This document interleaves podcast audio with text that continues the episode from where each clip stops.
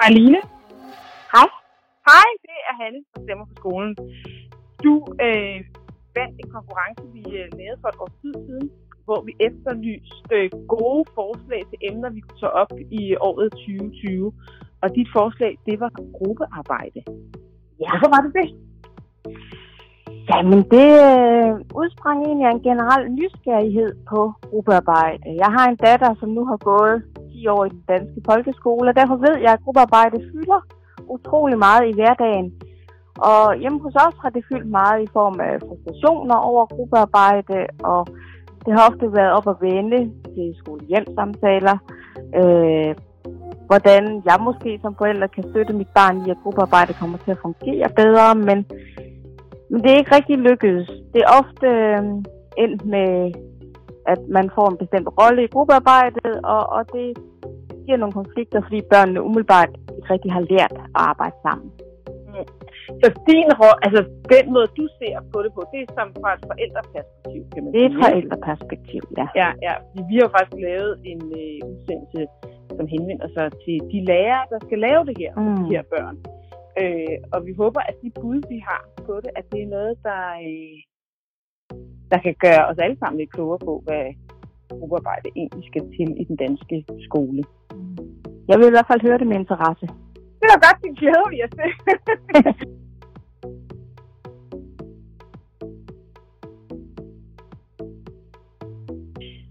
Velkommen til Stemmer for skolen. Jeg hedder Hanne Højneke og er lærer. Og jeg hedder Rikke Bundsgaard, underviser på lavedansen i Jelling.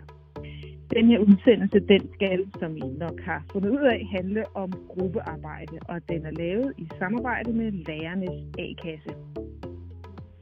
Ja, og jeg har talt med Helle Bjerskov, som er lektor på UC Syd. Hun har skrevet bøger om gruppearbejde, hun har skrevet artikler om gruppearbejde, hele tiden interesseret sig rigtig meget for, hvordan at eleverne kan bruge hinanden som læringsressource. Og så har jeg talt med to lærere den her gang. Jeg har talt med Mette Fogel, der er lærer på Rigsbjergskolen, og hun har undervist i øh, den mere systematisk gruppearbejde, både i indskoling og i mellemtrinnet. Og jeg har også været på Hillerød Lille Skole, hvor jeg har talt med Louise Brodersen, der også har sådan en meget konsekvent metode i at lave gruppearbejde. Og så, nu har vi faktisk også to elever med. Det er Magne og Nana, der også går på Rigsbjergskolen. Der er et lille bitte lydklip med dem. Men øh, velkommen til. Helle, tak fordi du vil være med i Stemmer for skolen.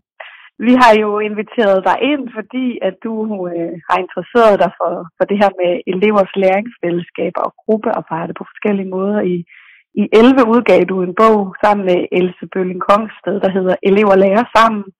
Og du har også skrevet flere artikler øh, om, øh, om det her emne. Øh, og det første, jeg gerne vil spørge dig om, det er, hvad er det egentlig for nogle argumenter, der er for, at vi lader eleverne arbejde sammen i grupper? Jamen, der er jo flere argumenter. Altså, der er jo for det første et socialt aspekt. Øh, altså, elever i den samme klasse, de følges ad i mange år, og de er selvfølgelig hinandens læringsressourcer.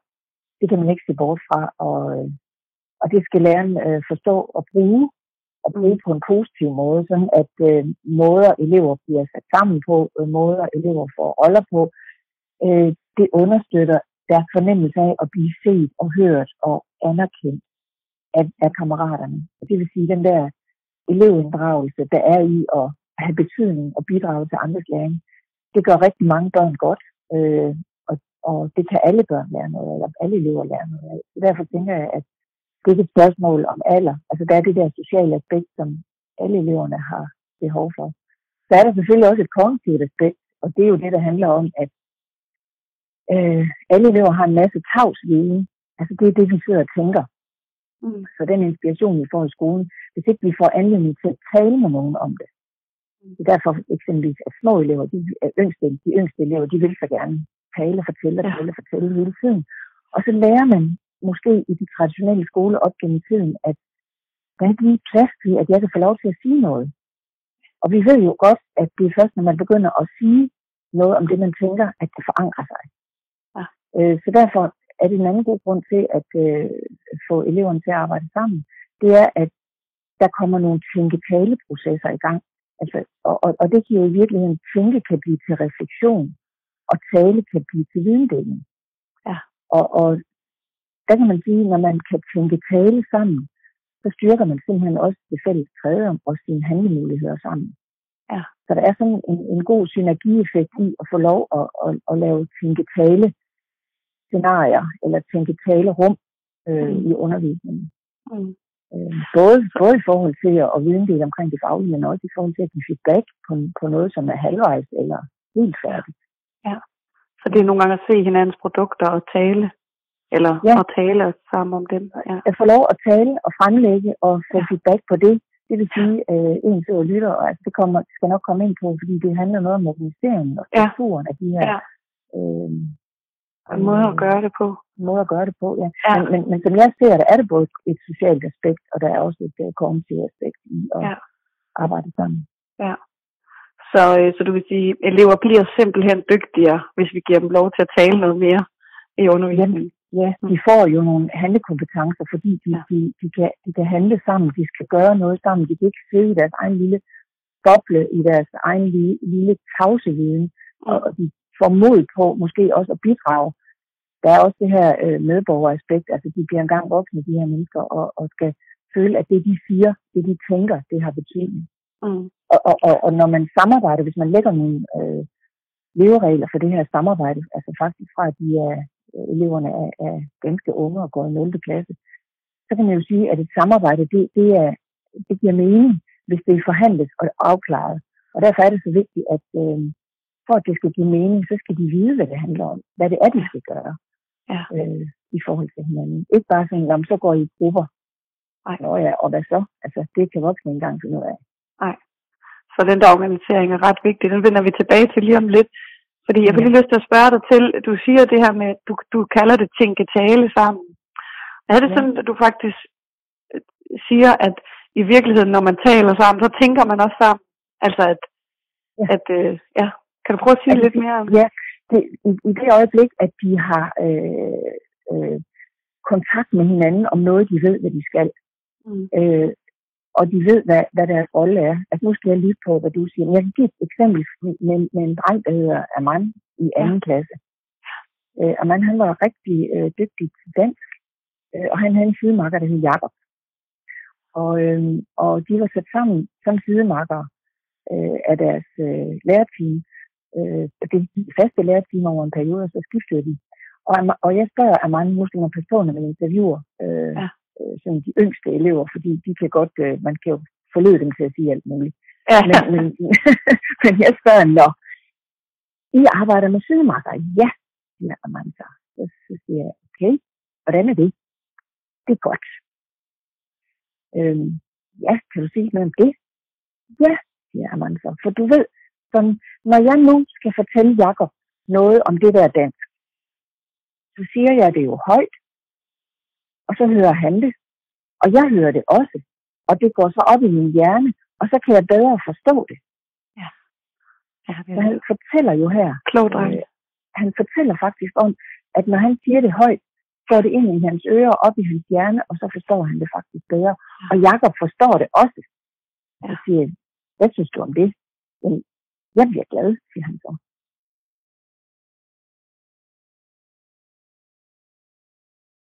Ja. Men det fortæller jo, det er fuldstændig hovedet på sømmet, altså at Mm. den, der hjælper, bliver dygtigere. Den anden føler sig mødt og set, Mm. og kan høre det med elevsprog. Det er nogle gange anderledes end lærersprog. Ja. Ja. Så der er masser af gode argumenter for at øh, Ja. sætte eleverne til at arbejde noget mere sammen. Ja. Hvis man, så, hvis man så kigger på det, som vi kunne kalde sådan mere traditionel undervisning, hvor læreren står op ved tavlen, og eleverne sidder nede og venter på deres tur, får også lov til sikkert at sige lidt. Ja. Hvordan tænker du om de to forskellige typer undervisning over for hinanden? Kan man sådan sige, at der skal være så og så meget af det ene, og så og så meget af det andet, eller hvad tænker du om det?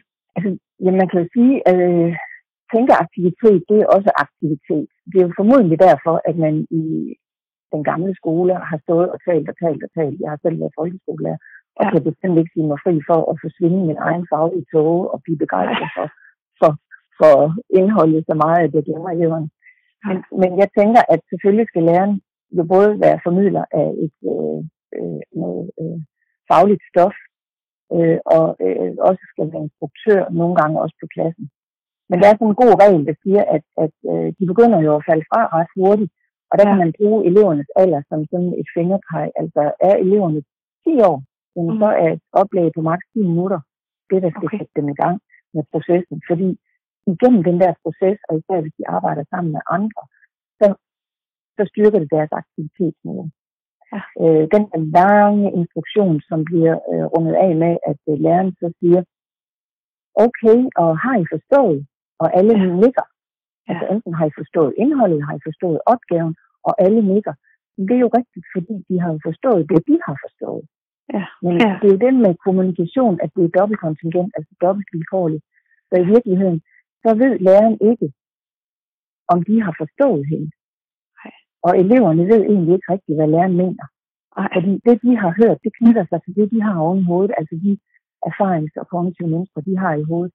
Og det kan jo være, at læreren så finder ud af, efter den lange instruktion, hov, der er simpelthen øh, over halvdelen, de sidder og laver noget helt andet, end det, jeg har troet, ja. de ville lave. Og det, eller øh, de sig i kast med. Og det er jo, forstå, det er jo fordi, når de nikker til, har I forstået? Ja, de har forstået. De ja. synes selv, de har forstået. Ja. Så derfor kan man sige, at allerede der, selvom det er et kort oplæg, så kunne man jo arbejde med forståelseskontrol, og det er så lige sidemarkeren, eller måske de to sidemarkere, man kan have. Ja. Hvor inden de går i gang, efter en instruktion, fortæl lige hinanden, hvad I har forstået, at opgaven går ud på. Ja. Og der får man jo så øh, to eller tre forskellige hjerner til at fortælle, hvad er det egentlig, vi skal her. Og det kan være, at der er en, en, en dissonans. Det kan være, at der er divergerende opfattelser. Ja. Nå, men så er der jo, så skal vi lige have snakket med læreren om, hvad det er, vi skal. Fordi der er ikke noget, som er mere demotiverende, end som elev at sidde og arbejde fuldstændig i en, i en retning, som man ikke skulle, og så skal til at lave noget om. Altså. Nej. Nej. Hvad, hvad med sådan det individuelle arbejde? Altså vil du egentlig altid råde til, at man i et eller andet omfang arbejder sammen med, med i hvert fald en anden? Eller, eller Nej, det vil jeg faktisk ikke. Nej, jeg synes, Nej. det individuelle arbejde, det er jo lige så vigtigt. Ja. Altså, der, der, I det øjeblik, at, øh, at man arbejder både på operativt og kollaborativt, ja. øh, så kan man jo sagtens arbejde individuelt, og så få sparring til sit individuelle resultat gennem en uh, gruppedynamik. Altså det individuelle arbejde kan også indgå øh, i en større helhed, hvor alle bidrager med, med noget individuelt. Ja, okay. øh, det skal bare ikke være individuelt, og så kun for læreren, tænker jeg. Fordi øh, kammeraterne kan sagtens være sparringspartnere undervejs, hvis de er i et gruppearbejde, hvor de får nogle særlige roller. Man kan jo begynde med makkerskaber, når de er, når de er de yngste klasser, og så bygge på. Og ja. hvis man vil systematisere det, så kan man jo lave nogle dækkeservietter, som ligger ja. foran eleverne, når de har deres rolle. Altså hvis nu for eksempel, at de har arbejdet med den her øh, øh, pjæse til campingpladsen, og jeg nu arbejder med svømmebadet, øh, så skal jeg sidde på fremlæggerpladsen, og så fremlægger jeg mine tanker om, hvordan vi skal formidle det her med svømmebadet. Ja. Og så er der en, der er min kritiske ven, der sidder lige over for mig, og giver mig nogle spidse spørgsmål, så jeg kan komme dybere ind i mine tanker. Ja. Øhm, og så sidder der faktisk to reflektører og lytter med lige ved siden af og skriver noter ned og kommer med idéer om, hvad vi to snakker om. Det er sådan set bare lavet over det reflekterende time, kan man sige. Ja, ja, det kan jeg høre. Og kan man godt, og det mener det kan man træne eller begynde at arbejde med ja. allerede, når de, når de er i indskoling. Ja, jeg har ja. set, hvordan i stedet for, at der står, fordi de begge servietterne, der står du fremlægger, øh, skal du øh, fremlægge dit stof, øh, i sprog, så de andre kan øh, forstå, hvad du mener. Ja. Så står der måske som den kritiske ven, du skal stille spørgsmål til fremlæggeren, så det hjælper ham eller hende med at komme længere ind i ja. deres tema. Men ja. små kan jo, øh, øh, yngste elever kan jo ikke læse, så der har vi piktogrammer. Ja. Det vil sige, at ja. øh, fremlæggeren, der er der en stor mund, ja. øh, og over ved øh, øh, den kritiske ven, der er der et stort øre, og så er der en lille mund. Og det betyder, ja. at du skal til at stille spørgsmål, men du skal først lytte. Og det betyder rigtig meget for eleverne, at talebanerne, deltagerbanerne, kunne man kalde det, hvis man skal bruge sådan et teoretisk begreb, øh, så er det jo, øh, hvad hedder det, venner, deltagerbaner, vi er inde på. Men altså, ja. at du ved, hvad du skal. Ja. Fordi når jeg fremlægger, så skal jeg altså det her. Når jeg er kritisk ja. skal jeg det. Og når jeg er reflektør med ører, så skal jeg det. Ja. Og der kan man jo godt starte bare med at være en tomandsgruppe med en fremlægger om kritisk ven. Så er det det. Ja. Så bytter vi holder. På. Ja. Så er, det, så er det mig, der nu er kritisk ven, og nu er det ikke svømmebadet, men nu er det i stedet for geografisk have. ja. Jeg skal komme med spørgsmål til. Ja, og så er det midt i processen, og ikke når de er helt færdige. Nemlig, det er midt Ja. i processen, hvor vi så Ja. raffinerer det, kvalificerer det undervejs, og det kan ja. de yngste elever også godt finde ud af. Fordi så er det ikke sådan, at, der, at vi risikerer, at der kommer en elev, som ikke har nået ret meget. Altså man spejler sig jo i hinanden, og det vil sige, hvis jeg sidder som en elev, der ikke er særlig meget en ørn til det her dansk, så får jeg altså nogle idéer ved den kritiske ven, som jeg kan arbejde videre på, når jeg går over i det operative, altså sidder igen med mit bidrag til øh, pjæsen. Og samtidig har de to reflektører med ører øh, begge to hørt, hvad vi har snakket om, og kan Ja. yderligere hjælpe med at komme med gode idéer. Ja. Eller kan måske også sige, det du sagde der, det er simpelthen ikke til at forstå for mig. Kan du sige Ja. det på en anden måde? Eller kan Ja, ja, det ja. sang Ja. Men det kræver også noget, den del der, at kunne, at kunne give feedbacken, ikke? Altså, Det er jo nemlig det, altså, Kan man også øve sig i. Jamen det er jo det, mm. og, Mm. og derfor har jeg set, hvordan øh, lærere for eksempel kan give nogle grundlæggende spørgsmål, som eleverne lærer fra de er i de yngste klasser. Mm. Altså almene grundlæggende spørgsmål, som Ja. ja. den kritiske ven har. som man kan Øh, bruge. Ja, og, og reflektørerne sidder jo og hører det, de hører. Og det er så to andre hjerner, som sidder i gang med to andre Ja. ja. slags beviser. Og, Ja. ja. og, og der er det så den kritiske ven og, øh, og fremlæggeren, som skal tige stille. For det er, jo, det er jo ligesom boks 1. Nu skal vi tige stille og lytte, og så skal Ja. vi høre, hvad reflektørerne har at sige. Ja. Så på den måde kan man sige, for alle øh, koncentrerer sig om det samme. Og det, jeg har oplevet i, i uh, folkeskolen, det er, at meget af tiden går hurtigt for eleverne, og de er koncentrerede. Mm. Altså, de har simpelthen ikke behov for at sidde og lave alt muligt andet. Nej, jeg, har set, jeg har ofte set elever sidde ude på gangen, og deres øh, kammerater fra side, øh, mens klassen kommer ind, altså fra, fra den nærliggende klasse, og de har været til idræt, eller, og de vil gerne give, give mig five, altså dernede Ja. ja. på gangen. Det har de Ja. slet ikke tid til, de her elever, de er fuldstændig optaget. det er ansvar for hinanden også. Og de, Ja. ja. og de har en opgave sammen, og, og øh, hvad kan man sige, de kender deres rolle.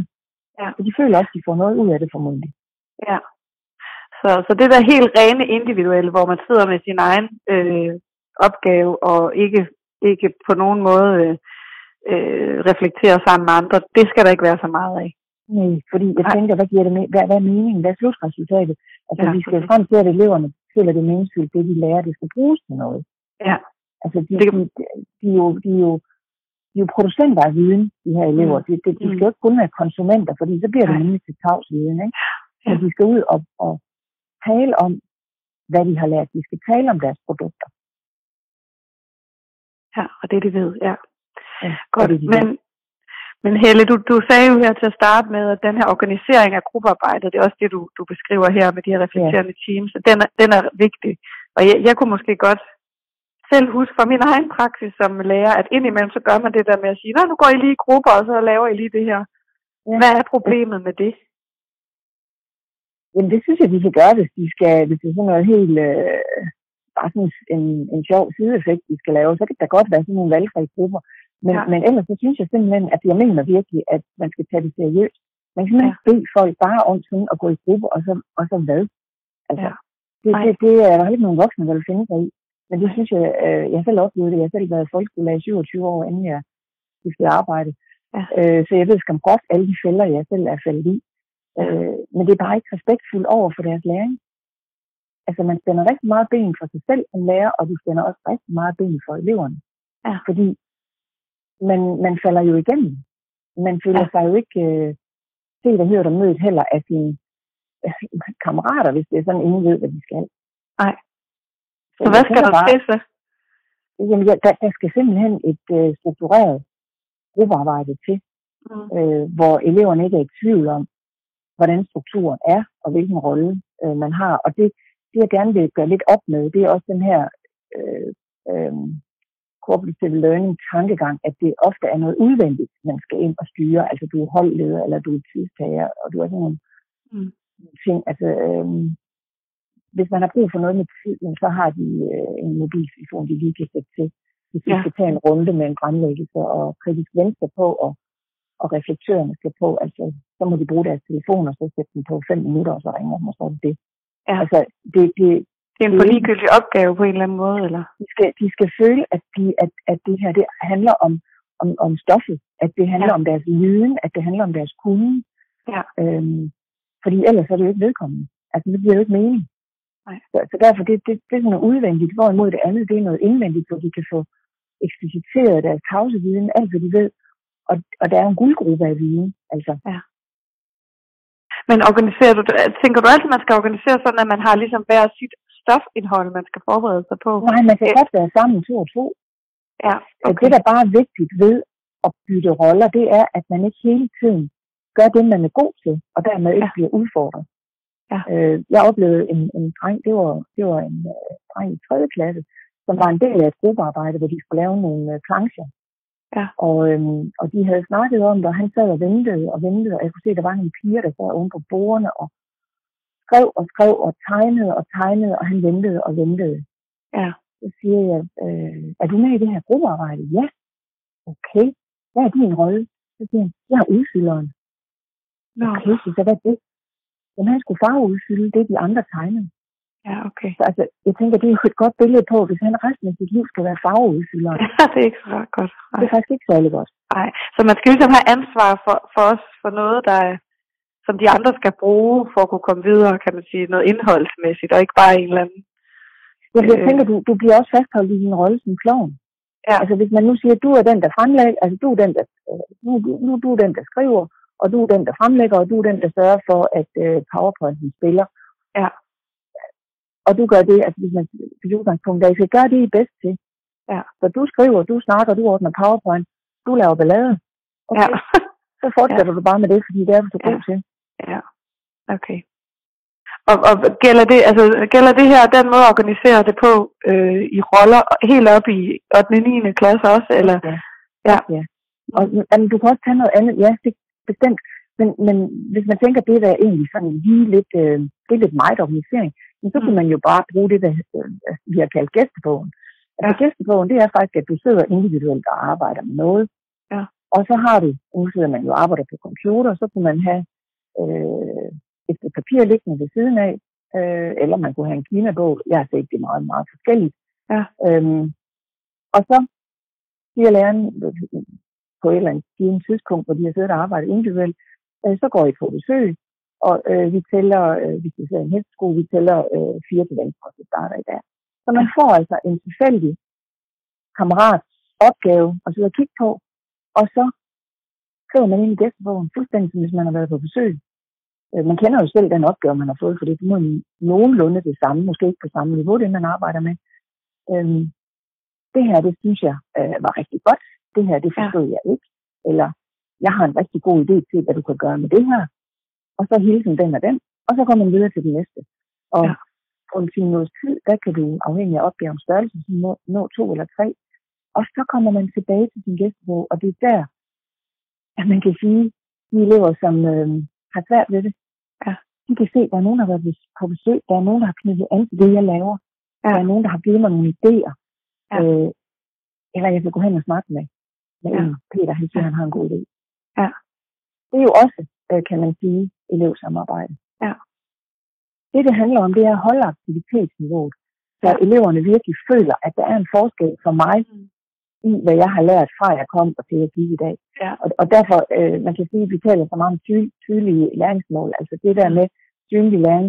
Mm. Altså jeg ved ikke rigtigt, det er jo et meget vidt begreb med synlig læring. Jeg vil egentlig hellere have, at de beskæftiger sig med, øh, hvad kan jeg nu? Altså, Ja. Og det kunne jeg ikke i morges. Øh, hvad er forskellen? Hvad, hvad har jeg gjort? Ja. Hvad kan jeg nu? Ja. Til forskel fra, hvad jeg ikke kunne før. Ja. Fordi Og så hører jeg det, landet ligger. Jeg hører der også meget tale i produkter, ikke også? Er det ikke rigtigt? Altså, der er ikke så meget, hvor man bare skal sidde eller, øh, øh, og, og tale om, hvad har jeg hørt læreren sige, eller hvad har jeg læst i den her bog, og gengive det, men i høj grad noget med at bruge det til at producere noget nyt, øh, eller Ja, hvad? ja, øh, det, det kommer jo for skudt af hinanden, fordi først så taler man jo, man kan jo sagtens have filosofiske dialoger med eleverne, Mm. hvis man er ved at forholde sig til noget, øh, som er i verden.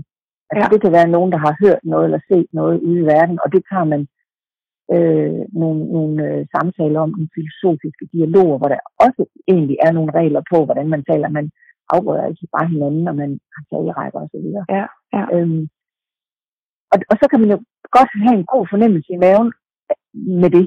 Og nu Ja. har det været godt. Ja. det, der, det jeg bare tror, øh, man skal huske på, det er, at, at det kan godt berige den enkelte indvendigt.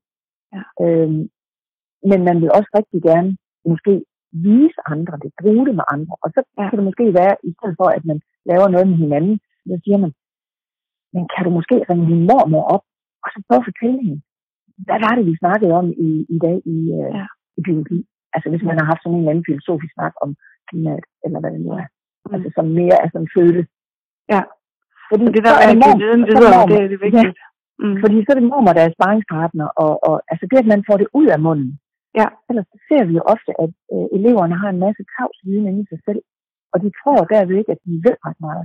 Men, og de kan så heller ikke blive anerkendt på det. Fordi Nej. de skal jo ligesom også være klar over, altså anerkendelse, det kan jo være sådan en, en fantastisk øh, candyfloss, altså den er blæst op af varm luft og lyserød og fuld af sukker. Altså, Ja.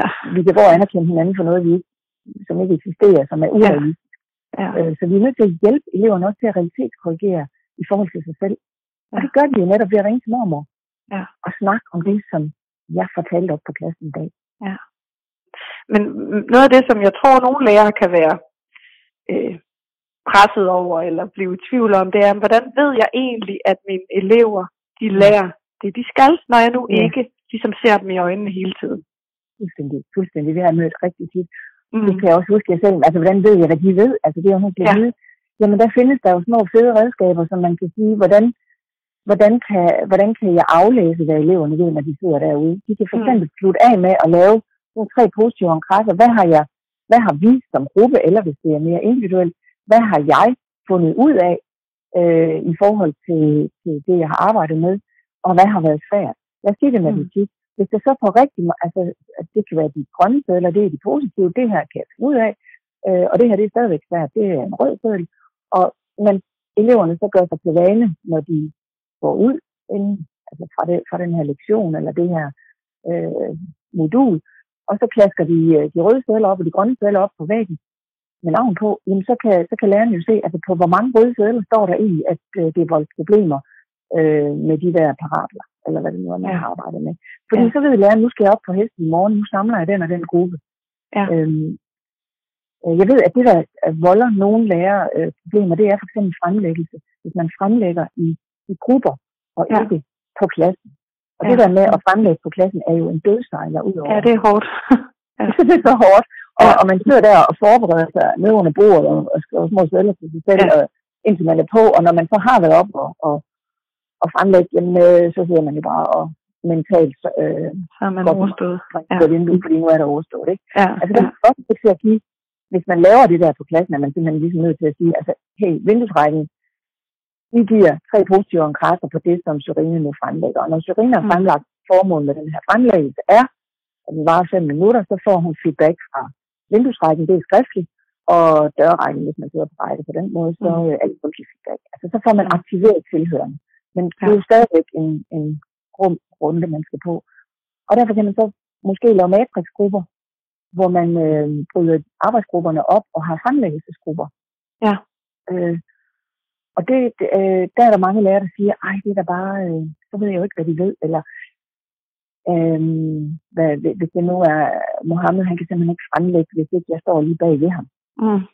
Fint, så ved du det, så står du bag ved Mohammed, og Ja. måske en hånd på hans skulder, så han ved, du er der, mens han fremlægger. Men Ja. det skal ikke være hos dem alle sammen, fordi nogle af dem kan godt selv. Men, og det giver vel også mulighed for, kan man sige, når de sidder og arbejder i grupper, at man, at man siger, jamen i dag, der er jeg særlig ved den her gruppe. I morgen er jeg Ja. måske særlig ved den her gruppe. Præcis. Helle, du har simpelthen givet så mange øh, rigtig gode, konkrete idéer til, hvordan man kan komme i gang med at organisere det her gruppearbejde. Og også gode argumenter for, hvorfor vi skal gøre det. Hvis du nu Ja. til aller, aller sidst her skal give bare et, hvis man kan det, godt råd til den lærer, der sidder og tænker, at jeg skal mere i gang med det her gruppearbejde. Hvad, hvad skulle det være? Hvad er det vigtigste råd? Jeg synes altså absolut, at det vigtigste råd er, at det her det er en teamopgave. Hvis Mm. man er et team omkring en klasse, Mm. så vil det virkelig være behjælpeligt for eleverne, øh, hvis elevsamarbejdet bliver betragtet på samme måde af klassens eller holdets øh, lærere. Mm. Så man ikke skal til at lære et nyt sprog øh, i forhold til, at nu kommer der en ny læring.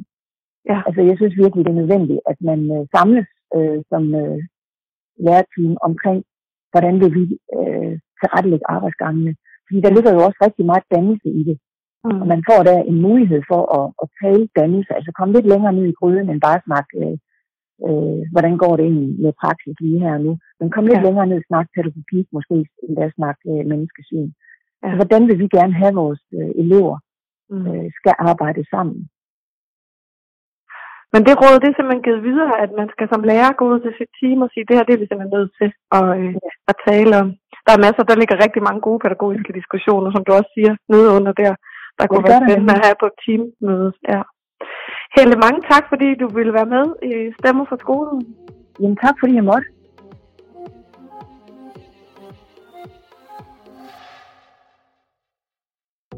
Nu er det gang 3. Mm.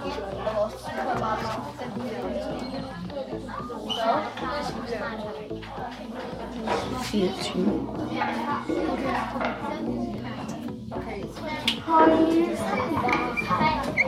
Så er det 600 plus 24.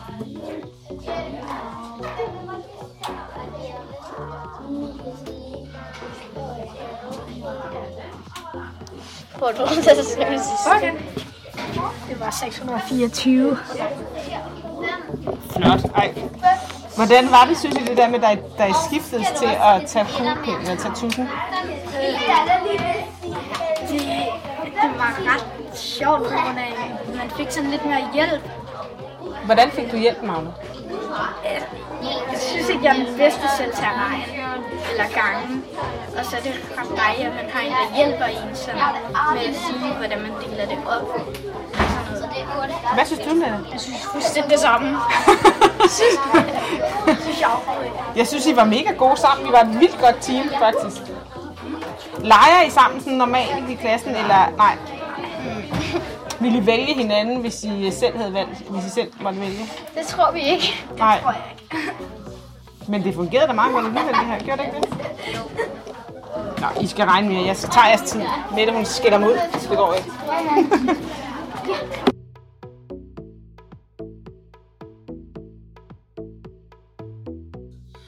øh, fordi, altså prøv lige at fortælle om metoden. Ja, Der er det er, ja. altså, det er sådan mere sådan historisk, fordi for et år siden, der var jeg til matematiklærer, matematikvejlederkonference i Odense, hvor der kom ham her, guruen, der hedder Peter Liljendal.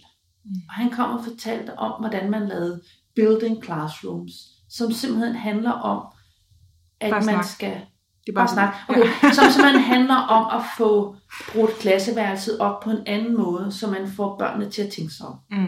og for formidlet, at de tænker sig om. Mm. Øhm, og han siger så, at det, at det handler simpelthen om, at man skal arbejde sammen med en, hvor det er synligt tilfældigt, hvem man arbejder sammen med.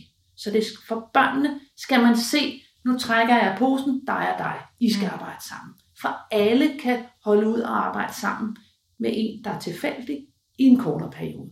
Mm. Og det her, det er jo noget ude på gangen 10 minutters tid. Det kan alle sådan overskue, også selvom man trækker sin værste fjende, så kan man godt arbejde sammen med sin værste fjende i 10 minutter. Ja, det er dem, jeg, jeg var lige med sammen med Magne ja. og Nana, og jeg spurgte dem bagefter, om de ville have valgt hinanden selv. Ja. Nu, nu kender jeg dem jo lidt, Ja. ikke? Altså, og så sagde de begge to, nej, det ville vi nok ikke, men Nej. på en utrolig sød måde, Ja. og så talte vi om, at, at men det havde faktisk fungeret ret godt alligevel. Ja, også det der med, at de giver hinanden en chance, fordi vi, vi skal bare løse den her opgave, om 10 minutter er vi færdige. Mm. Altså, vi skal bare få det bedste ud af de her 10 minutter. Og så øh, handler det simpelthen om, at man skal give den der opgave, de skal lave. Det skal man give mundtligt, og så skal de gå ud med en tus ud til den tavle. Hos os er det sådan nogle små IKEA-tavler, hvide tavler, der hænger ude på gangen. Ja. Øhm, og så, når man kun har en tus, så bliver man jo nødt til at samarbejde om, hvad er det, der skal stå, ikke? og hvem er det, der skal skrive det. Og så skal de løse det her problem, vi har snakket om. Mm. Og prøve at lytte til hinanden og vise, hvad er det, jeg tænker. Hvis jeg nu ikke kan sige det, kan jeg så tegne det, eller kan jeg på en eller anden måde vise det. Mm.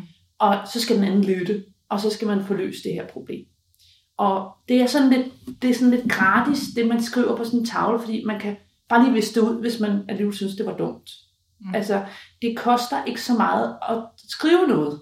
Så man er lidt mere modig på at gøre det. Og man får sagt lidt mere, end man får gjort, hvis det sådan var noget papir, der skulle afleveres eller noget. Øh, og så arbejder de sammen om det, og lytter til hinanden, mm. og formidler, tegner, gør et eller andet for at løse det problem. Hvordan tænker du sådan didaktisk over den opgave, du stiller dem? Fordi det, det går jo ikke, at de så laver, altså det er tavlen op imellem sig, og så laver de hver, så laver de sådan noget parallelt arbejde ved siden af hinanden. Ja. Fordi så er vi ikke kommet så langt Nej. det, vel? Og det er jo derfor, der kun er én tus, ikke? Ja, okay. Altså, der er jo én tus til de to, og, så, Ja. og der er ikke tusind farver eller alt muligt. Det er bare sådan her, værsgo. Mm. Øh, det skal jo, altså for, for Peter Liliendal, der går det ud på, at man skal komme med sådan nogle åbne opgaver. Det har vi også mange af, hvor det er sådan, at det kan godt være, at der kun er én løsning, men man kan komme hen til den løsning af mange forskellige veje. Mm. Og så har man jo tegnet det på sin tavle, og så kan man se hinandens. Ikke? Det, der så rigtig tit sker, det er jo, at de lige, når de er gået stå, så tænker de, og så kigger de jo lige over på de andres tavle og tænker, de har gang med noget med at, de har, de har tegnet nogle firkanter, hvor de gør noget. Nå, så gør vi det. Altså, du ved, hvor de ligesom også får hjælp af ved at kigge på hinandens tavler, bare sådan hen over gangen. Mm. Og det er jo okay, hvis det sætter dem i gang, hvis det sætter tankevirksomheden i gang. Hvorfor har de valgt at tegne det sådan? Og det er jo egentlig sådan lidt paradoks, fordi vi har jo altid lært børnene, I må ikke kigge efter. Ja. Men vi kører det rigtig meget med, kig nu endelig, hvad det er, de andre gør, Ja. og tænker og sådan noget. Ikke? Og så nogle gange, hvis, man, hvis jeg har givet en opgave, der er for svær, så kan jeg jo se, at så har jeg øh, 15 fuldstændig ens ting øh, tegnet på alle tavlerne, og, og, og ingen ved, hvad, hvem der egentlig har fundet på noget af, hvad det er, og det hele er forkert. Og så må man så tænke, "Nå, okay, det var ikke lige i dag, at Hanne skulle komme og tage billeder af det. Jamen, det kender man godt, det der. Der ramte man lidt. Der skød man lidt for højt. Ja. Eller, Men det var ikke helt gennemtænkt. Eller Men så er det jo egentlig også en ret god måde at kommunikere på sådan en metaplan med sine elever, fordi man kan se, okay, det her fattede de bare nader af, ikke? Altså, Jo. fordi tit, når man, når man giver dem en opgave, og så siger man så, har I forstået? Og så tager de alle sammen tommelfingeren i vejret, og så oplever man så, de har jo ikke forstået et skid af, hvad der Ja. Ja, også sådan det der med, at, at, øh, at øh, nogle gange, eller meget tit, så giver jeg opgaven først, Mm. og så bagefter trækker vi, hvem man skal være sammen med. Mm.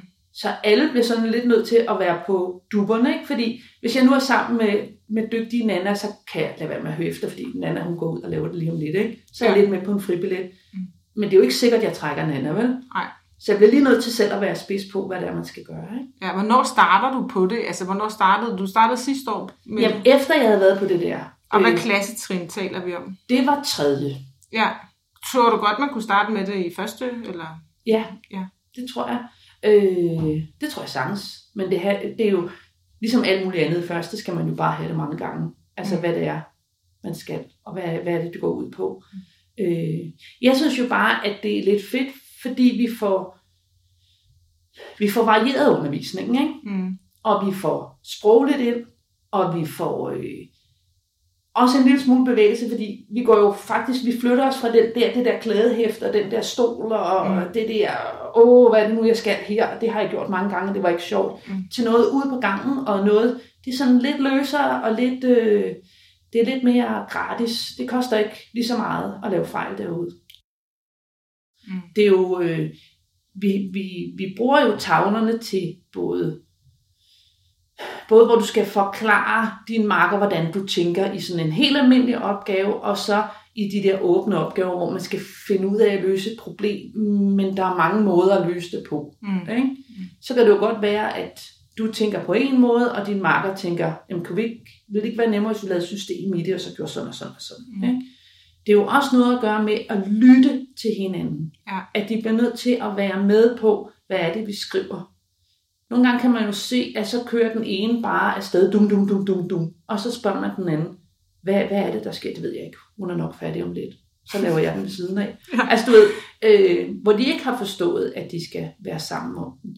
Og nogle gange kan man jo se synergien, hvor de bare virkelig, åh ja, nej, men så skal vi have den ind her, og så, og så står de jo næsten og kæmper om at få at pege, hvor det er, den skal hen, den der ting, de lige har fundet ud af. Mm. Jeg havde en, altså nu har jeg lige været med i din team der, der interviewede jeg Magne og Nana, og så siger Magne så sødt til sidst, jeg plejer faktisk ikke at være så god til gange. Ja. Altså, det synes jeg bare Ja. var virkelig, det, det understregede så godt, hvad den her metode kan. Ja. Altså, både de ser, at jeg får faktisk en hjælp ved det her, ikke? Jo. Jeg, jeg, jeg lykkes Ja. på det her, ikke? Jo. Det er ikke et nederlag for mig at arbejde sammen med andre, det er faktisk noget, der styrker min egen læring, ikke? Jo, Men, Hvis man nu skal se, hvad, hvad for nogle, udover at børnene lærer at arbejde sammen, hvad for nogle kvaliteter har den her metode så? Øhm, jeg, jeg synes, øh, nogle gange har jeg sat nogle, nogle svage børn sammen, som mm. har været svage til det, de skulle lave, men de har været gode til at forundre sammen, og få snakket sammen om det her, det her, og lige skubbe hinanden en lille smule videre. Og bare det, at, at det er to børn, der begge to ved, om det her, det skal vi nok lige arbejde lidt med, hvor de så sidder og faktisk er selvkørende rigtig lang tid, fordi de får snakket med hinanden og får skubbet hinanden videre. Og så når de så endelig har et problem, så kommer de jo og siger, kan du ikke lige hjælpe os med det her, fordi der er lige den her ting, at vi er i tvivl om. Så er det jo tusind gange nemmere at gå ned og hjælpe dem med, at de faktisk allerede har tænkt, hvad det er, problemet er. Mm. I stedet for dem, der sidder og siger, jeg forstår det. Men hvad er det, du ikke forstår? Jeg forstår det ikke. Jamen, hvad for en del af det? Er det det her, eller det her, eller det her? Jeg forstår det ikke. Og så, nå okay, så skal vi begynde med Adam og Eva. Ikke? Ja, I stedet for ja. nogen, der kommer og siger, vi er lidt i tvivl om lige den her. Vi har lavet den der opgave, men så hernede, hvad gør man så, når det er over 100? Mm. Altså du ved, så det er meget... Og du kan følge deres tankerække på tavlen faktisk, ja. fordi du kan se, hvad, for nogle, hvad, hvad har der været, hvad har de regnet før? Ja, og, og hvad for nogle tanker har de gjort sig, fordi de har jo formuleret dem til hinanden. Altså, men jeg tænker, hvordan, hvad, det kan vi jo ikke vide, men hvordan, for jeg synes, det de, det de gør, det er, at de lærer simpelthen at bruge hinandens ressourcer sammen. Ja. ja. Altså når det lykkes. Ja. Øh, jeg godt, hvad, hvad for nogle, altså kunne du arbejde videre med det på et tidspunkt egentlig, tænker du, altså sådan, så det bliver sådan lidt mere komplekst matematikken, altså sådan et større gruppearbejde, eller fordi de i virkeligheden får nogle kompetencer i den her metode? Ja.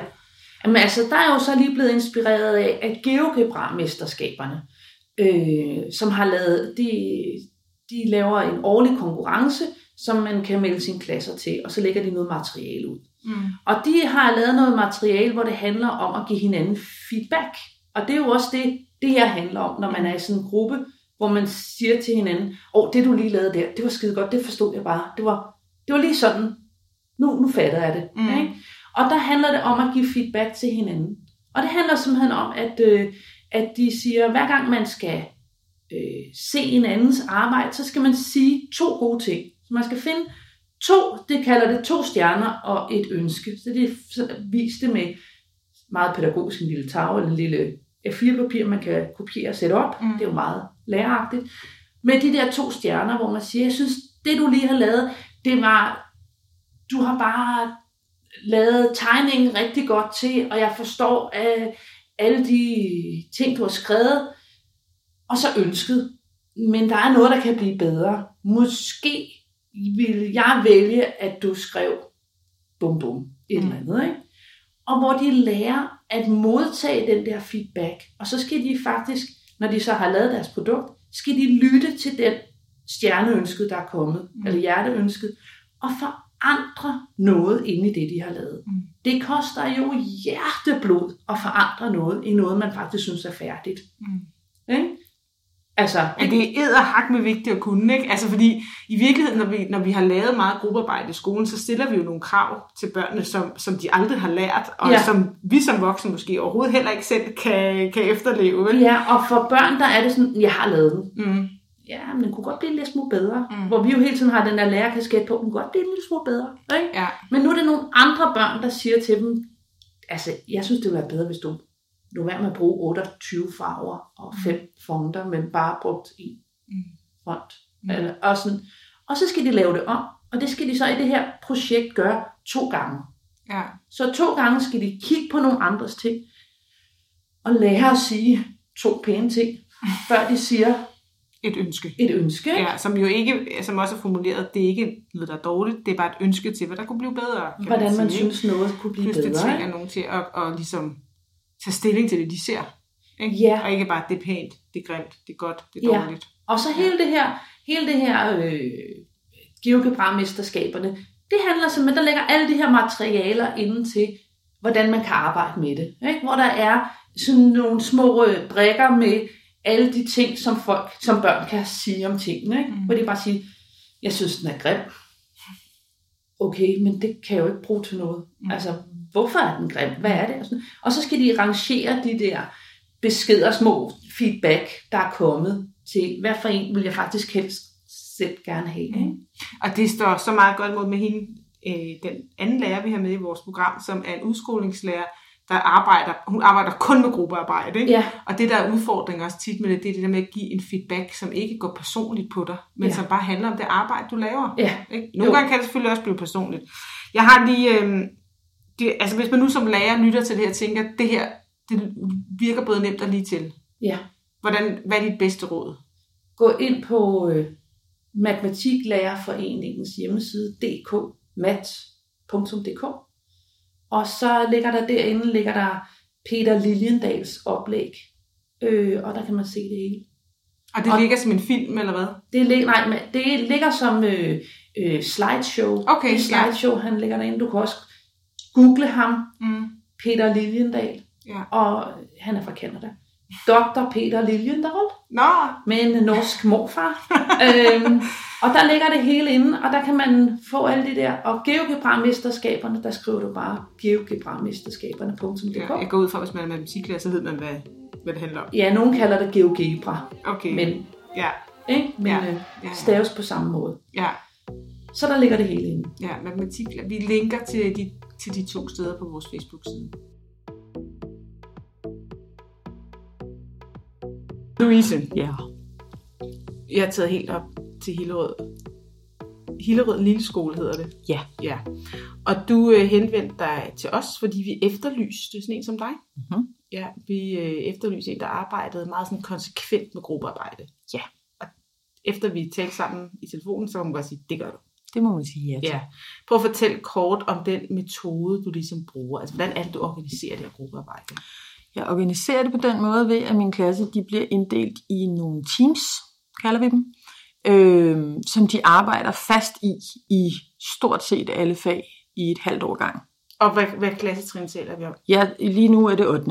Okay, og du underviser primært i udskoling? Ja, Ja. lige præcis. Og hvor mange er der i de teams? Øh, optimalt set fire, men det afhænger jo lidt af, hvor stor klassen er. Fordi, Mm. og hvis det er et tal, der ikke går op, og så videre, så nogle gange tre og nogle gange fem. Men det er helt klart optimalt tal i, en, øh, i et team, det er fire. Ja. Øh, men så arbejder de i de her øh, teams i et halvt år gang i alle fag, med undtagelse af de fag øh, idræt og hvad der nu ellers kunne være, øh, hvor de er delt valgfag, tysk, fransk, hvad det nu ellers er. Øh, og så arbejder vi dels fagligt, altså det der er, øh, hvad kan man sige, det overordnede, det er, at det er et fagligt arbejdsteam. Øh, selvfølgelig skal man også socialt være velfungerende eller blive velfungerende, men hele essensen er, at man skal lære de her forskellige teknikker, forskellige greb, der er i det at samarbejde med andre mennesker, sådan så at man i virkeligheden vil kunne samarbejde med hvem som helst. Mm. Øh, så det er ikke det sociale, der er det primære fokus til at starte med, men det er at få et fagligt fællesskab op at køre. Øh, at der så kommer en social sidegevinst er jo kun et plus, mm. øh, fordi det gør der automatisk. Eller ikke automatisk, det kræver jo selvfølgelig en del arbejde. Så det er den ene side af det, at de arbejder i de her faste teams. En anden side af det er, at jeg som deres lærer, klasselærer, øh, holder jævnlige teamsamtaler med dem. Øh, Og hvor jævnligt er vi ude i? det afhænger helt af, hvordan teamsene kører. Okay. Øhm, hvis det er sådan helt almindeligt med små justeringer eller små ting, kan man sige, der skal arbejdes med i forhold til samarbejdet, så er det måske hver 14. dag. Hver tredje uge måske. Det er de teams, der fungerer fint? Ja. Okay, det er meget for mange lærere, tænker jeg. Øh, det er det også. Ja. Det er meget tidskrævende, men nogle gange så var et øh, sådan en teamsamtale måske kun lige 5 minutter. Mm. Andre gange, så kan den godt være en halv time. Øhm, men man kan sige, det er for, at de føler, at de aftaler, som de indbyrdes laver, og som jeg nogle gange beder dem om at lave, øhm, at der bliver fuldt op på det. Mm. Det kan helt konkret for eksempel være, at et team, øhm, at der måske de sidder fire rundt om bordet, og de har placeret sig rundt om bordet på en måde, der gør, at den ene måske føler sig lidt udenfor, når de sidder omkring et eller andet arbejde, de laver. Mm. Så kan en aftale være, at de i løbet af en periode på 14 dage skal prøve at sætte sig på forskellige måder rundt om bordet, for at finde ud af, hvad der fungerer bedst for dem som team. Sådan så alle føler sig inkluderet i det arbejde, de sidder med ved bordet. Øhm, Så for at det ikke er sådan noget, der bare sejler, og så kan vi jo snakke om det om to måneder, øhm, så mødes vi. Og så fortæller de måske, men så prøvede vi at sidde sådan og sådan og sådan. Hvad fungerede, hvad fungerede ikke? Og så når vi frem til noget, som fungerer for dem. Det er jo også ligesom en struktur, tænker jeg, fordi altså, alle lærere har prøvet det gruppearbejde. Selvfølgelig. Øhm, og, og man har også haft sådan nogle meget uformelle gruppesnakker mm. med, mm. sin, med sine grupper, men tit mm. så er det sådan noget, man lige får hurtigt set, gud, jeg kan se, der er en, en disharmoni i det ja. der. Så jeg kunne lige over sige, jeg kan ikke lige overveje mm. et eller andet, men man får ikke rigtig sådan fuldt op på det. Men det, det er, er den ene side af det. Den anden side af det er i virkeligheden, at jeg synes, at det er vigtigt, at at det ikke er mig som lærer, der bare går ind og siger, nu skal I rykke rundt, og du skal sidde der, du skal sidde der. Fordi jeg kan jo godt med mine voksne, voksne og faglige og didaktiske og pædagogiske briller og alt muligt andet se, hvad der kunne være en god løsning. Mm. Men jeg synes, det er vigtigt, at de selv mærker efter hver især, hvad er det, der fungerer for lige præcis mig, når jeg er i den her konstellation med andre mennesker? Hvad er vigtigt for mig, når jeg skal samarbejde? At de selv får sat nogle ord på, ikke kun over for mig som voksen, men også over for hinanden. Øhm, sådan så, at det faktisk har en betydning for dem. Måske hvordan de sidder rundt om bordet. Det kan også være noget andet. Det kan netop være, at der er en, der altid er den, der tager styringen i teamet, for eksempel. Ja, ja, hvordan, øh, vi hvordan gør vi ja. så det? Men opfordrer du dem til ligesom at have sådan nogle snakke indbyrd ja, undervejs? Ja, ja, ja, ja. ja. Man kan sige, øh, ud over de her teamsamtaler, som jeg holder med dem i pauserne, eller ja, det er faktisk oftest i pauserne, jeg laver teamsamtaler med dem, øh, så arbejder vi også med det at samarbejde i timerne. Ikke i alle timer. Vi har jo også en del andet, vi skal nå. Øh, men jeg synes, det er vigtigt at lægge den tid, i hvert fald i starten, hvor man kører den her struktur i stilling, øh, sådan så, at de netop fra starten får de her forskellige værktøjer. Mm. Så det kan også være, at vi, eller det gør vi, bruger tid på, jamen, hvordan taler vi sammen i vores team? Øh, hvordan, når vi får stillet en opgave som team, hvad gør vi så helt konkret? Mm. Øhm, og det kan virke sådan lidt mærkeligt at sige, jamen vi går jo i gang med opgaven. Jamen hvordan går I i gang med opgaven? Ja. Er, der, er det den samme, der hver gang siger, nu går vi bare i gang? Er der nogen, der måske har brug for at at I fællesskab læser op, sådan så man er sikker på, at alle forstår, hvad det er, man skal, inden man går i gang. Mm. Og er det så den samme, der læser op hver gang? Det er ikke nødvendigvis dårligt, hvis det er den samme, der læser op hver gang. Men den her bevidsthed om, øh, hvad det er, der fungerer, og hvorfor det fungerer. Fordi når de så skifter teams efter et halvt år, øh, så afslutter jeg egentlig på forskellige måder det teamarbejde, der så har været. Ofte slutter jeg sådan et halvårligt teamarbejde med, at de måske skal skrive breve, små breve til hinanden. Hvorfor har det været fedt at være i team med dig? Så man bliver lidt tvunget, gåsøjne bemærket, øh, til at tage stilling til, jamen, hvad har faktisk været super fedt ved at være i team med Peter, for mm. eksempel. Mm. Og det kan godt være, at alt ikke har været fryd og gammel hele vejen igennem, men der vil jo altid være et eller andet, som faktisk har fungeret i det teamsamarbejde med Peter. Mm. Så det, at man dels selv får sat nogle ord på, hvordan det har været, og at man også modtager fra de teammedlemmer, man har været i team med, gør, at det er noget, man kan tage med videre til sit næste team. Uanset om det har været en vellykket periode, eller det ikke har været en vellykket periode. Men altså et halvt år, kan man sige, eller fem måneder, hvor lang tid er det? er jo, mm. altså, man kan jo ikke kun have bidraget med lort. Nej, præcis. og slet ikke, når det er så styret. Nej. Det er noget af det, vi også taler om, som jeg synes var meget inspirerende. Mm. Det var det, du laver nogle lidt anderledes skolehjemsamtaler. Mm. Prøv at fortælle om dem. Øh, ja, det er nogle teamsamtaler med forældre.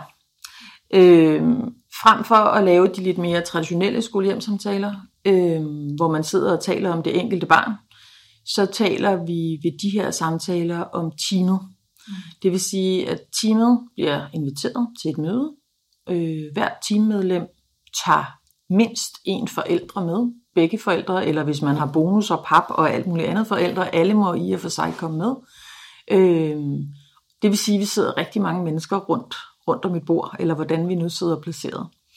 Øh, så forud for den her, det her møde, samtale, der har øh, teamet fået en dagsorden af mig, sådan meget, øh, der er noget omkring øh, ja, samarbejde selvfølgelig, der er også noget omkring det, den sociale stemning, der er i teamet, der er sådan forskellige, hvad skal man sige, kategorier eller overskrifter, øh, som de skal tale om i skolen.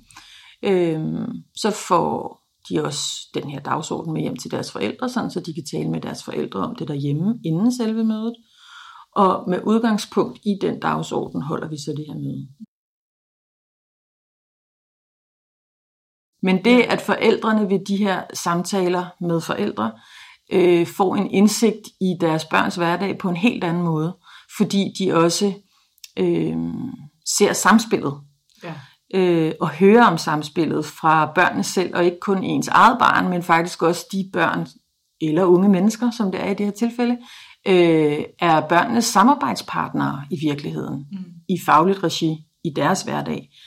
Øhm, det har jeg i hvert fald en overbevisning om, at det vil give forældrene et andet billede på deres barns skolehverdag.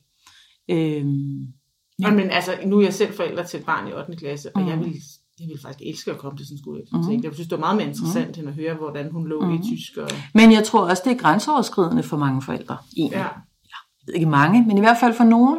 Det der med, at man, man føler måske også, at man som forældre er lidt ikke udstillet, man er, man er ja, i rammesat på en anden måde, end man er ved de lidt mere traditionelle skolehjemsamtaler, hvor det måske ofte har en tendens til at blive, øh, blive sådan lidt læreren, der overleverer mm. et budskab, uden at det reelt er så meget øh, samtale ja, om ja, barnet. Ja.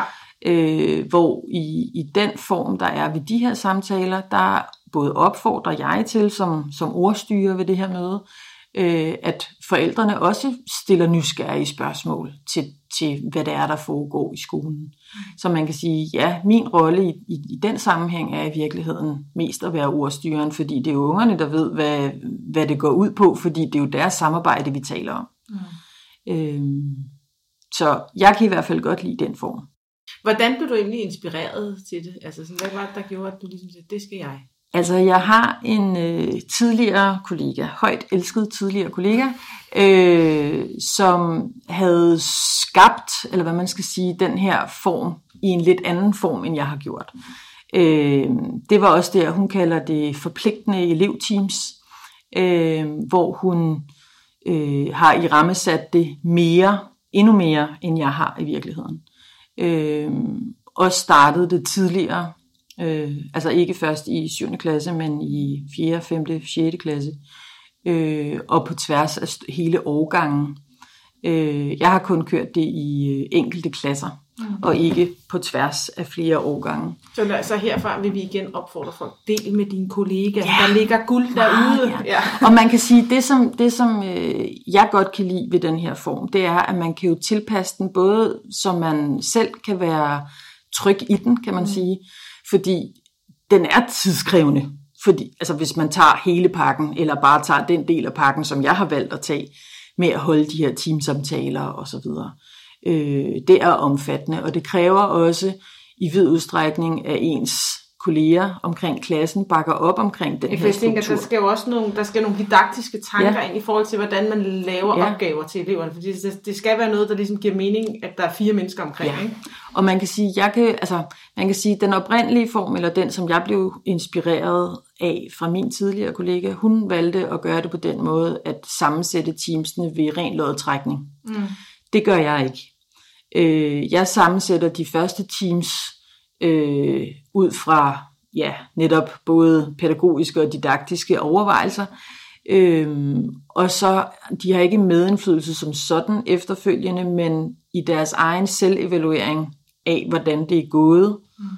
hvad de kunne ønske i forhold til samarbejdspartnere osv., sammensætter jeg så de efterfølgende teams. Mm. Og når de når 9. klasse, der øh, plejer jeg ved årets start at opfordre til, at de faktisk kører i de samme teams hele året. Øhm, og det gør de for det meste. Altså det vælger de selv for ja. det meste faktisk at fortsætte i det samme team hele året, fordi der har de lært de værktøjer, som de har på det her tidspunkt i deres liv behov for at kunne arbejde med.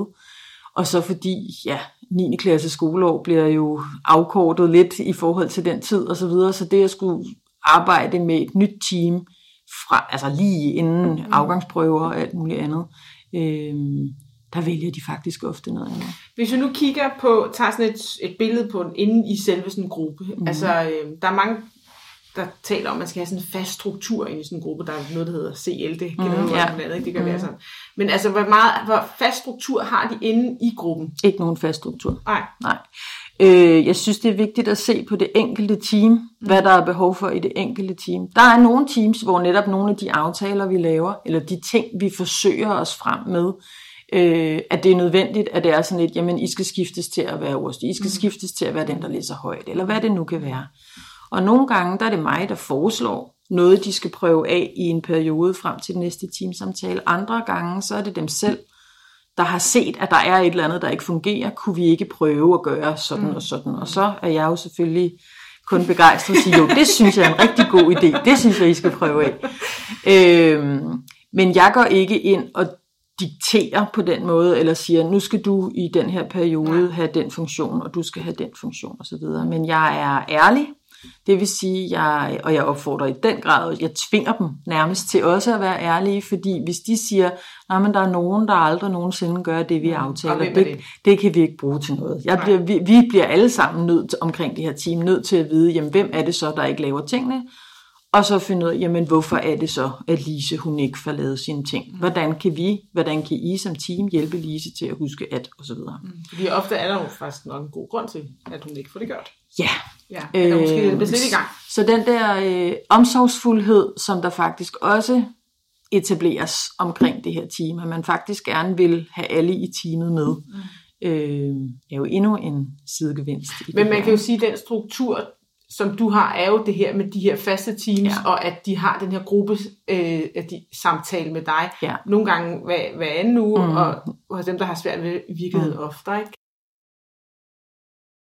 Her, ikke? Jo, men jeg synes også, det er en Øhm. metode, når du fortæller om det, hvor jeg bare tænker, at børnene virkelig kan komme på banen selv. Ja, det kan de. Altså, øh, Og så kan man sige, at der er jo nogen, altså nu har jeg lige haft øh, første omgang teamsamtaler i det her skoleår med den klasse, jeg har nu. Og der er jo nogle teams, der snakker og snakker og snakker, ej, og vi er gode til det, og blablabla, lige fra starten, hvor man tænker, hold da op, jeg kan bare læne mig tilbage, jeg behøver slet ikke at gøre noget her. Og så er der andre, der har sværere ved at se, øh, at der er noget at arbejde med. Mm. Øh, de synes bare, det er fint og hyggeligt og godt, og alt er dejligt. Øh, og det er det heldigvis også langt hen ad vejen. Men den i talesættelse af, at der er jo altid noget, vi kan gøre for at gøre samarbejdet bedre. Mm. Øh, så hele tiden komme ind til det her. Det er ikke et spørgsmål om, at, at det bare skal være hyggeligt og godt. Hele ideen i den her struktur er jo netop, at de skal blive sindssygt gode til at samarbejde. mm. Øh, så man kan sige, at der er nogle teams, der har brug for mere hjælp til at se, jamen, hvad er det faktisk samarbejdet kan give os på den, på den lange bane. Ja. Hvor der er andre, der, der har, har hvad kan man sige, mere øjne for det fra start. Fordi jeg synes også, jeg har oplevet, øh, når jeg har lavet sådan noget gruppearbejde, at der er nogle teams, der fungerer upåklageligt, vil man mm. sige, på overfladen. Mm. Men det er fordi, de i virkeligheden sidder og laver sådan noget parallelarbejde. Mm. De sidder fire, de har fordelt opgaverne fuldstændig ja. imellem sig, og så kører de frem til Ja. mål. Og, og det er jo for mig som sådan ikke rigtig gruppearbejde. Det Nej. er jo ikke, hvor de taler med hinanden og løser opgaver, og hvis nu Lise er syg, så ved de andre faktisk ikke, hvad de skal gøre, fordi de vil ikke ane, hvad hun var i gang med. Altså, altså, så jeg synes også, der er også den der, hvor man går ind og bryder op i lige netop sådan nogle Ja. grupper der, ikke? Jo jo, og der kan man sige, at det vi også arbejder med, det er netop den der ansvarlighed over for arbejdet. Mm. Og det hænger jo så igen sammen med ansvarlighed over for hinanden. Øh, sådan så netop, hvis der er en, der er syg, eller et eller andet andet, at det så ikke er, "Nå, vi kan ikke komme videre, fordi hende, der har papiret, eller hvad, hvad det nu kunne være, man kunne støde ind i Alle som lærer. Øh, jeg tænker, vi alle har været der. Øh, at jamen her, der, der har alle papiret, eller alle ved i hvert fald, hvor man kan finde det henne. Mm. Øhm, og det lyder jo meget idyllisk, og alting kører jo bestemt ikke fra starten, og det er derfor, at det er et arbejde, som jeg synes er meningsfuldt. Og derfor, at jeg vælger at lægge den tid i det, der skal til, fordi, ja, for måske at være lige lovlig kæk, så når de når 9. klasse, så kan jeg bare læne mig tilbage, fordi de kan bare køre det hele selv. Mm. Øhm, I hvert fald i forhold til samarbejdet.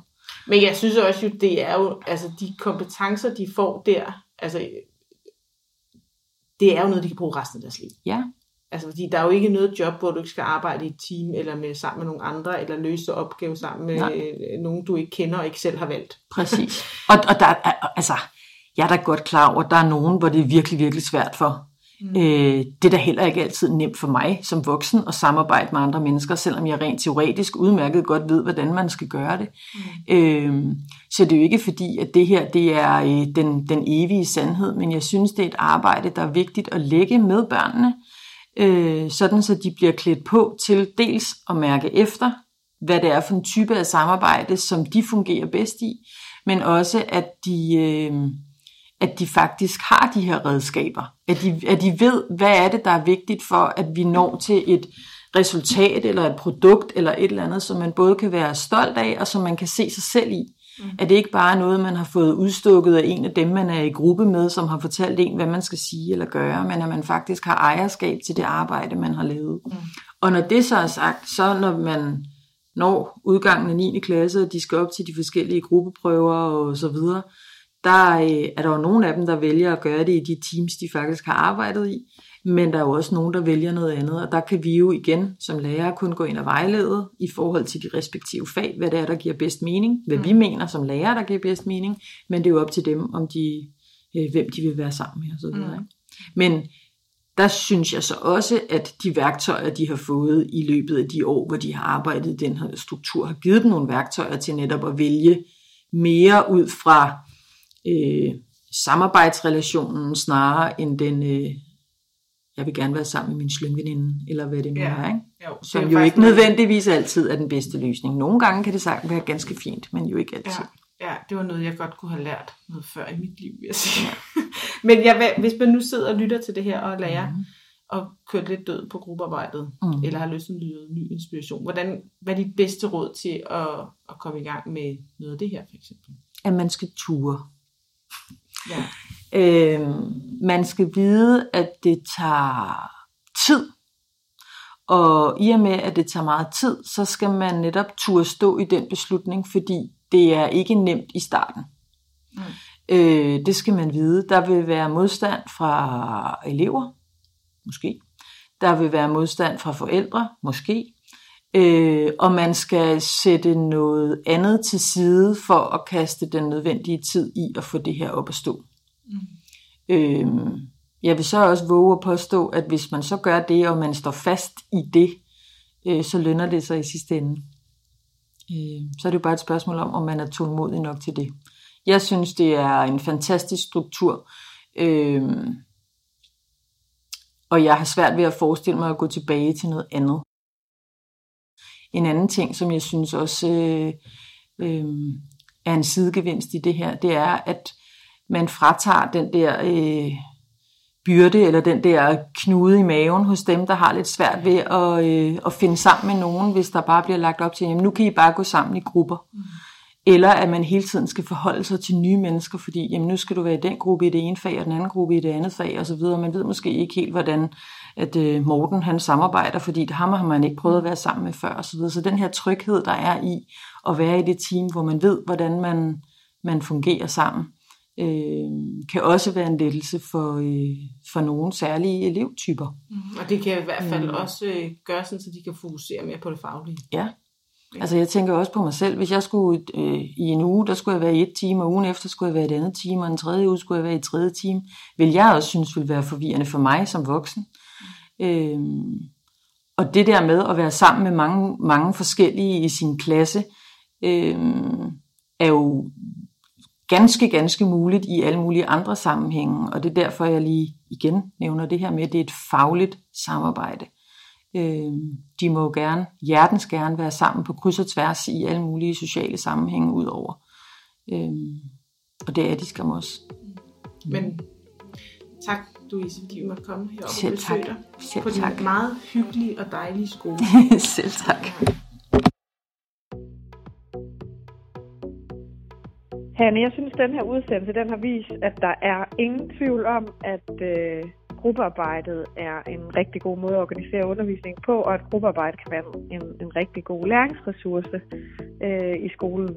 Men også, at det faktisk kræver en del både af elever og lærere at, at indgå i sådan en gruppearbejde og organisere det.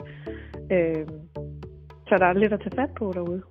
Ja, det er der. Og jeg, kunne, jeg vil ønske, at øh, jer lærere, der sidder og lytter, at de ligesom kunne tage det med på næste time med. Altså få diskuteret sådan helt grundigt, hvad er det egentlig, vi vil med gruppearbejdet i vores team? Hvordan vil vi organisere det, og hvordan vil vi altså, gøre det på den samme måde? Ikke? Altså det der, fordi at man, at man ligesom får en idé med det, ikke? Ja, det er jo også uh, Helle Bjerregårds vigtigste råd til lærere, at, at det skal være et fælles indsatsområde. Ikke? Så det... Og jeg tror, det er et emne, som vi bare alle sammen smider ind, måske lidt mere eller mindre tilfældigt. Jeg taler måske også mest bare for mig selv, det ved jeg ikke. Men, men den der sådan helt grundlæggende tanke omkring, hvad vil vi med gruppearbejdet, det tror jeg bare, det er rigtig længe siden mange af os har haft den. Mm. Ja, og også husk det simpelthen hver eneste gang, man, man sætter et gruppearbejde i gang, at det skal også være tydeligt for eleverne, hvad er det, jeg skal her? Mm. Hvorfor skal jeg det, og hvad er min, hvad er min rolle i, ja. i den her sammenhæng? Ikke?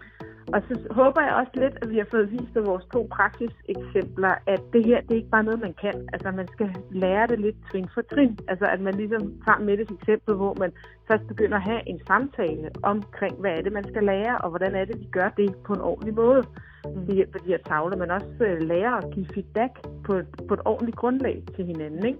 Mm. At, at de, det man, de krav, vi stiller til eleverne, at det, det er måske nogle krav, vi engang selv som voksne kan, kan efterleve. Ikke? Ja. Og derfor kan man sige, at det andet praksiseksempel, der viser altså, lærerens rolle i forhold til at tage de her teamsamtaler. Ikke? Det kræver en del af læreren, men det giver jo virkelig også noget, kunne jeg forestille mig, at man, øh, at man på den måde taler om læring og måder at være i grupper på med eleverne. Ja, også at den måde, vi er sammen med grupperne på, det også er læring. Mm, præcis. Ja. Men øh, tak fordi I lyttede med, og vi lyttes ved en anden god gang.